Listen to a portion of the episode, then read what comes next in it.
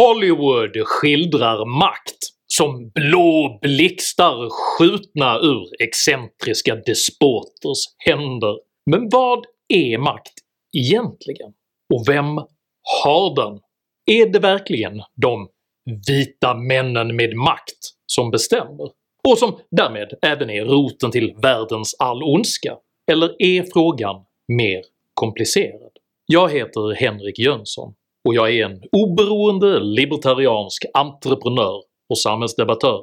I veckans “Henrik förklarar” diskuterar jag två tydliga maktstrategier som används av politiker, aktivister och opinionsbildare för att manipulera dig till att göra som de vill. Låt dig inte duperas. Idag hjälper jag dig att se och dekonstruera strategierna som används för att manipulera. Uppskattar du mina filmer så hjälper du mig att fortsätta göra dem om du stöttar mig via något av betalningsalternativen här ute till vänster. Det är nämligen ni som tittar som har makten över denna kanals fortsatta existens. Så ett stort, stort tack till alla de av er som bidrar. Den andra upplagan av min bok “Frihet ditt självförsvar” är äntligen här! Beställer du ett exemplar endast denna helg får du även ange en personlig julklappshälsning som jag skickar med på mitt eget officiella HJ-kort om du nu skulle vilja ge någon lite frihet i julklapp. Länk till erbjudandet hittar du i videons beskrivning. Glöm för övrigt inte att både prenumerera på min kanal och på mitt kostnadsfria veckobrev som finns länkat i videons beskrivning, så missar du garanterat aldrig när jag släpper nya filmer, vilket jag gör med egenmäktig regelbundenhet varenda lördagsmorgon klockan 08.00 svensk tid. Idag talar jag om synd, skuld och skam. Häng med!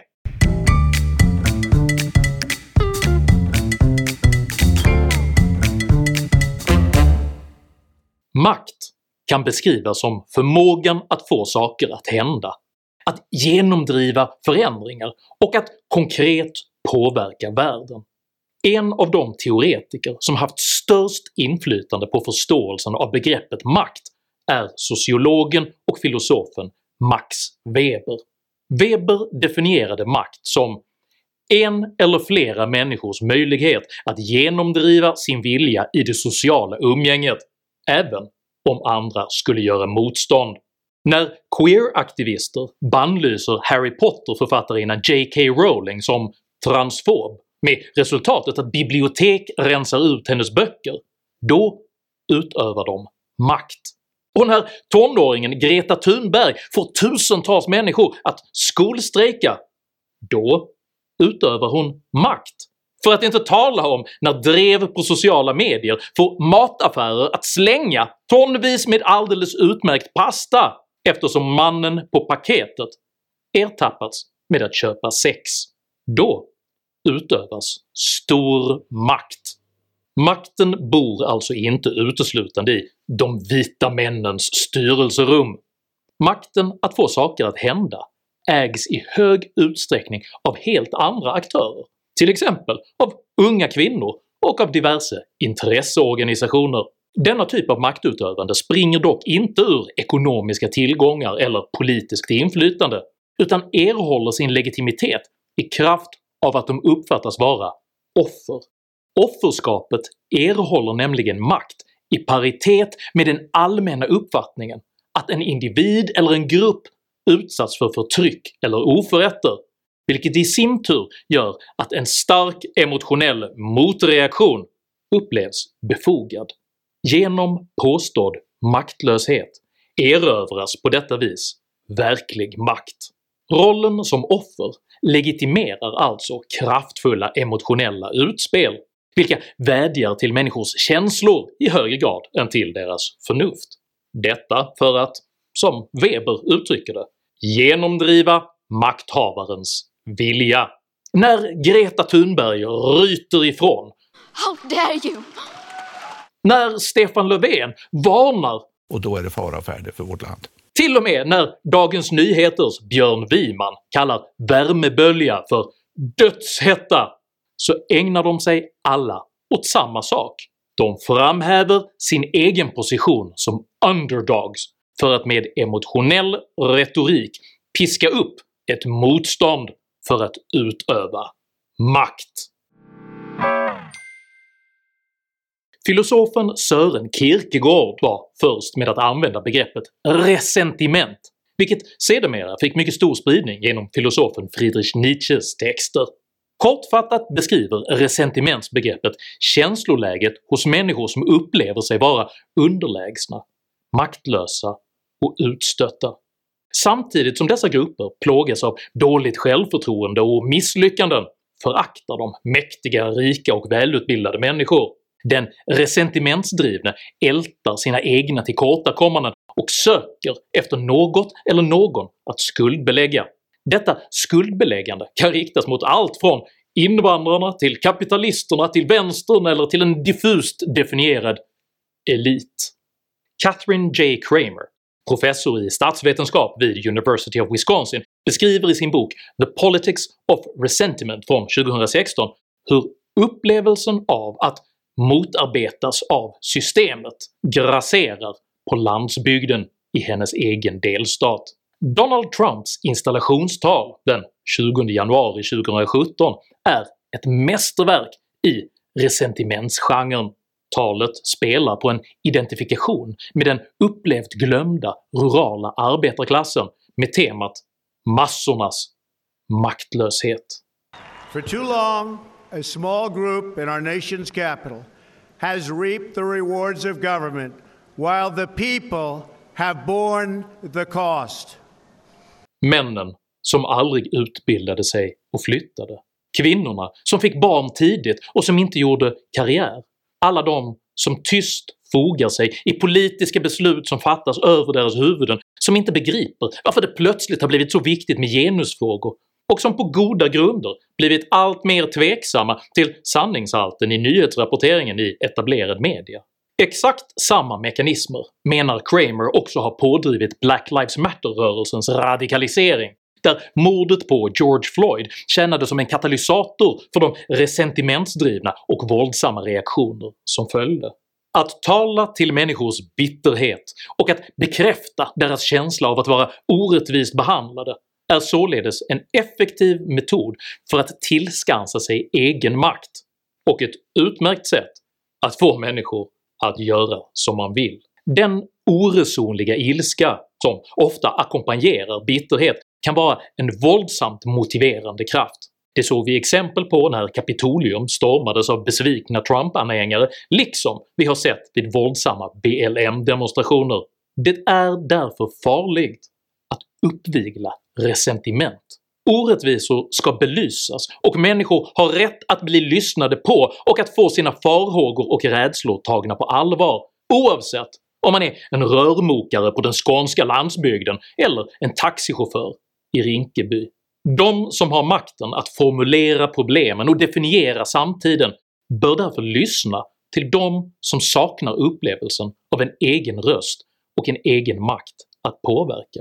Man bör inte, som Hillary Clinton, avfärda dessa grupper som “deplorables” eller som man under många år gjort här i Sverige, urskillningslöst utmåla exempelvis alla sverigedemokrater som obildade fascister. Det är däremot lika oansvarigt att elda på de marginaliserade gruppernas frustration oavsett hur viktigt en makthavare än må anse det vara att få just sin egen vilja igenom. Men om detta emotionella uppviglande inte räcker för att genomdriva makthavarens vilja, då tillämpas ofta den betvingande emotionella retorik som vi ibland kallar skambeläggande. För det är skamligt och det ska självklart inte vara lagligt. Det är skamligt. Klimatskam, köttskam, flygskam. Socialantropologer skiljer traditionellt mellan så kallade skam och skuldkulturer. Sverige, liksom resten av västvärlden, har traditionellt betraktats som en skuldkultur, alltså en kultur där individens eget ansvar betonas och där medborgaren förväntas respektera lagar, regler och auktoriteter. I en skuldkultur är det tydligt vilka lagar och normer som råder och det är möjligt att följa dessa. Individen kan välja om hon vill följa lagen eller inte, om hon vill underkasta sig normer eller inte. Den som följer regler och respekterar lagen är utan skuld, medan den som är olydig straffas. Rättvisa är det primära målet i ett samhällssystem av denna typ, och när ett straff är utdömt och avtjänat så är den skyldige upprättad och att betrakta som återbördad till den moraliska gemenskapen. Så enkelt är det inte i en skamkultur. I en skamkultur står heder, inte lagar, i centrum och den som förbryter sig tappar ansiktet. Medan individen i en skuldkultur betraktas som just en individ med ett eget ansvar för sina handlingar betraktas människan i en skamkultur i första hand som en del av ett kollektiv.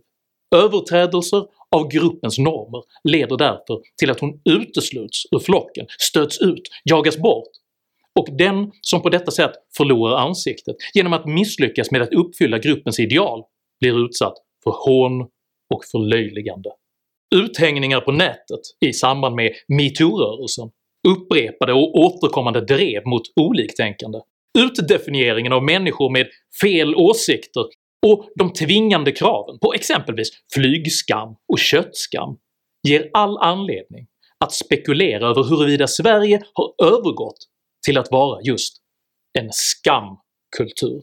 I en skamkultur är individen beroende av att åtnjuta gruppens respekt, och för att kunna göra detta måste hon ständigt leva upp till gruppens ideal och värderingar.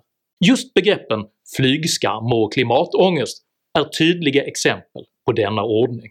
I den svenska offentligheten så luftar ofta diverse förebilder, kändisar, influencers, kulturskribenter och makthavare sin mycket svåra klimatångest och utgjuter sig om sin mycket djupa flygskam.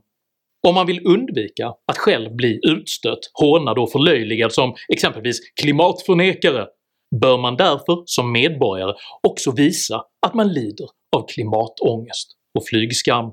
Socialantropologen David Boonin menar att den som utan ursäkt eller berättigande överträder en gällande norm eller regel ådrar sig skuld, medan den som i något väsentligt avseende inte lyckas leva upp till ett gällande eller bindande ideal ådrar sig skam. Enklare uttryckt, skuld knyts till lagar och regler, medan skam knyts till ideal. Konsekvensen av detta blir att man i en skamkultur därför kan bryta mot lagar så länge man försvarar rätt ideal. Ett konkret exempel på detta är aktivisten Elin Ersson som för ett par år sedan hindrade ett flygplan att lyfta från Landvetter eftersom hon ville förhindra en utvisning. Ersson dömdes för brott mot luftfartslagen, men hyllades trots detta som en hjältinna eftersom hennes agerande försvarade offerskapets ideal. Själv tycker hon inte att hon gjort något olagligt alls. Detta är alltså ett exempel på hur skamkulturen ställer idealen över lagen. Ett annat exempel på detta är TV-journalisten Fredrik Önnevall som 2018 dömdes för människosmuggling men som trots detta betraktas som en föredömligt god och uppburen människa. Trots att Önnevalls agerande var brottsligt och rubricerades som människosmuggling bedömde Sveriges Television inte bara Önnevalls journalistiska integritet vara helt opåverkad, utan även att man skulle betala hans rättegångskostnader. Högsta domstolen skrev ytterst ner straffet till 40 dagsböter, och Önnevall själv lät hälsa att han borde ha friats helt eftersom han räddat ett barn. Detta är ännu ett exempel på hur skamkulturen ställer idealen över lagen. Både Ersson och Önnevall uttrycker stolthet över sina lagöverträdelser, vilket bejakas i större delen av offentligheten. Lagen betyder inget, idealen betyder allt. Och eftersom Ersson och Önnevall upplevs kämpa för utsattas rättigheter så äger de ett offerkapital som frisvär dem från kritik, men som också upprättar en maktordning där lagen underställs emotionellt godtycke. På detta sätt stöter alltså skamkulturen ut även helt laglydiga medborgare om de avviker från dess egen idealdoktrin samtidigt som den frikänner lagbrytare. Makt är dock inte intrinsikalt problematisk, utan den är även demokratiskt helt nödvändig. Där makten inte finns regerar våldet, som filosofen Hannah Arendt uttryckte det. Däremot kan strategierna för att uppnå makt vara mycket problematiska. Både att skambelägga människor och att tala till deras bitterhet är bevisligen destruktivt. Makt bör vinnas genom förtjänst, så att den som genom uppvisat gott omdöme och föredömliga gärningar i demokratisk ordning tillerkänns makt av folket. Maktutövande ska baseras på tillit och förtroende, inte på bitterhet, skambeläggande eller genom tvång. Dekonstruera de strategier till makt som används för att få dig och andra att göra och känna som makthavare vill. Tänk alltid själv, låt förnuftet härska över känslan. Fatta dina beslut och bilda dina åsikter på fakta, inte på känslor utifrån resentiment, bitterhet och skam. Tycker du att lagen är viktigare än subjektiva ideal och att förnuft är att föredra framför känslostyrning? I så fall tycker jag att du ska dela den här videon med dina vänner, och varför inte prenumerera på min YouTube-kanal när du ändå är igång? Har du egna erfarenheter av skam, skuld och resentiment i Sverige? Dela i så fall gärna med dig av dina erfarenheter i kommentarsfältet här nedanför. Jag uppskattar all respektfull kommunikation. Tänk dock på att alltid vara artig, även mot dina meningsmotståndare. Jag accepterar inte aggression, personpåhopp eller rasism i mina idédrivna kommentarsfält. Tack för att du som kommenterar respekterar detta.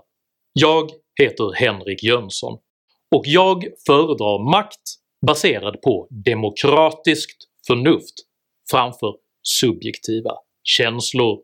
Tack för mig, och tack för att ni har tittat.